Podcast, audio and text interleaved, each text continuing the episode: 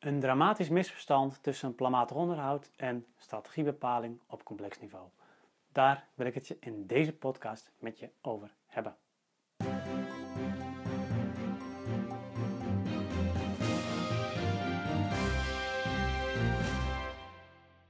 Ik was onlangs in, ehm, nou ik zal de plaats niet noemen, maar het is een grote stad en ze hebben er ook een haven. En ik was daarbij een vrij grote corporatie en uh, daar vertelde iemand mij het verhaal van uh, de situatie dat er bij een complex met woningen, enkele tientallen woningen ging het om, dat daar de keukens waren vervangen een jaar eerder. Nou, in eerste instantie denk je, niks aan de hand, keukens geplaatst, prima, planmatig onderhoud. Het punt was dat, die, uh, complex, dat het complex, dat die woningen vanuit strategie op het label sloop binnen vijf jaar stonden. En dan heb je het natuurlijk wel over het weggooien van geld. Als die afstemming tussen de strategiebepaling en het planmatig onderhoud dus duidelijk niet op orde is. Nou is dit natuurlijk een vrij extreem voorbeeld, maar bij heel veel corporaties komt het voor dat op het moment dat de strategie op complex niveau niet helemaal goed duidelijk is, wordt het nu vernieuwen of toch slopen of toch nog misschien wel iets anders, dat dan in planmatig onderhoud soms verkeerde keuzes gemaakt worden. Of in ieder geval keuzes gemaakt worden die heel veel geld kosten, terwijl dat misschien wel helemaal niet hoeft. Of, en dat kan ook, dat je misschien omdat je zegt van ja, we weten nog niet precies wat we met het complex gaan doen, dat je op korte termijn gaat besparen op je planmatig onderhoud en daar uiteindelijk op langere termijn de prijs voor gaat betalen, omdat je uiteindelijk dan in een situatie komt waarin je feitelijk vanuit strategie-oogpunt eigenlijk geen keus meer hebt met dat complex. Dan moet je wel gaan vernieuwen of je moet het wel uh, gaan slopen. Nou, hoe voorkom je nou dat die afstemming tussen strategiebepaling op complex niveau en je planmatig onderhoud of andere vormen van onderhoud, dat die zo dramatisch misgaan.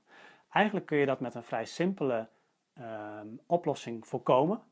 En heel veel corporaties voeren dat ook al gedeeltelijk uit. Alleen er is een kleine nuance waardoor je ervoor kunt zorgen dat het wel gaat werken um, en niet onderin een la verdwijnt.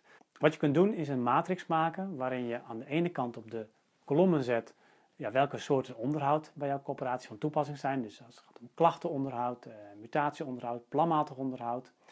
Um, en op de uh, andere as van de matrix zet je de uh, exportatiestrategieën die je per complex hanteert. Dus bijvoorbeeld lang door exporteren, kort door exporteren, um, korte termijn vernieuwen, korte termijn sloop, nieuwbouw plegen, verkoop en wellicht andere exploitatielabels. Nou, als je die in een matrix eh, zet, dan kun je vervolgens de vakjes gaan vullen. En dan kun je, om maar even een voorbeeld te noemen, um, als het gaat om planmatig onderhoud en uh, een complex staat op, op sloop over een x aantal jaar, en dan kun je daar in dat vakje inhoudelijk gaan beschrijven wat er dan moet gaan gebeuren. Misschien wil je sommige dingen van planmatig onderhoud nog wel uitvoeren. Bijvoorbeeld alles wat met veiligheid te maken heeft. Een reling van een, van een, van een galerijflat, ja, die moet je toch echt tot de laatste dag van exploitatie, moet die veilig zijn. Uh, terwijl andere dingen die minder essentieel zijn, dat, die, uh, dat je die niet meer doet als een complex op de slooplijst staat. Keukens, hè, daar hadden we het net over. En dan komt de nuance, want in, in dat vakje is het belangrijk om niet alleen maar de inhoud in te vullen, maar ook het proces. En met proces bedoel ik dat je niet alleen maar dus gaat zeggen van wat je nog wel doet aan planmatig onderhoud bij een bepaald exploitatielabel of bij een bepaalde strategie op complex niveau. Maar dat je ook daaraan gaat toevoegen hoe je ervoor gaat zorgen dat um, die informatie ook op het juiste moment bij de persoon die, uh, die dat planmatig onderhoud gaat oppakken, dat die, juist, dat die informatie daar op het juiste moment terechtkomt. Nou, bij planmatig onderhoud is dat natuurlijk weer heel anders dan bijvoorbeeld bij klachtenonderhoud, bij mutatieonderhoud. Dus daarom is het ook zo belangrijk om dat goed in dat vakje aan te geven. Als het bijvoorbeeld gaat om uh, complexen die, um, uh, die gesloopt moeten worden en er wordt nog planmatig onderhoud uh, aan uitgevoerd, nou, dan is het een logisch moment waarschijnlijk, en dat zul je voor elke coöperatie natuurlijk zelf moeten bepalen, maar zou het een logisch moment kunnen zijn om bij het opstellen van een meerjarenbegroting, op het moment dat je voor het planmatig onderhoud ook geld gaat vrijspelen, om dan te checken of dat nog wel van toepassing is. En om dan dus de check in te bouwen met de strategie of je nog wel dat planmatig onderhoud zou moeten doen voor een aantal complexen. Voor klachtenonderhoud is het natuurlijk heel anders. daar heb je te maken met een huurder. Die, uh, daar is iets kapot in de woning. En uh, die belt. En degene die aan de telefoon zit, die de telefoon opneemt, die zal op dat moment dan ook moeten weten wat wel en wat niet nog moet gebeuren.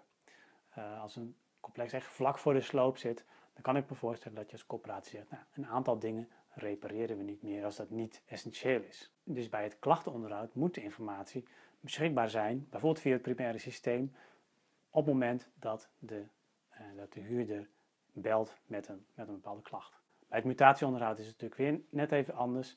Daar zul je uh, degene die de huuropzeggingen um, verwerkt, ja, die zal op een gegeven moment ook een melding moeten krijgen van oké, ik moet niet alleen maar nu een advertentie gaan schrijven en de woning weer opnieuw verhuren, maar ik moet er ook voor zorgen dat er een aannemer gebeld wordt die in de woning bijvoorbeeld iets gaat vernieuwen, als dat het label is wat op die woning past.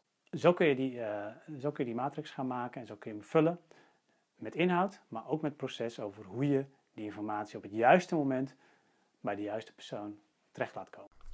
Bedankt voor het luisteren naar deze podcast. Wil je nieuwe afleveringen ontvangen? Abonneer je dan op deze podcast. En kijk ook eens op onze website corporatiestratege.nl voor meer praktische tips en downloads die jouw werk als corporatiestratege makkelijker maken.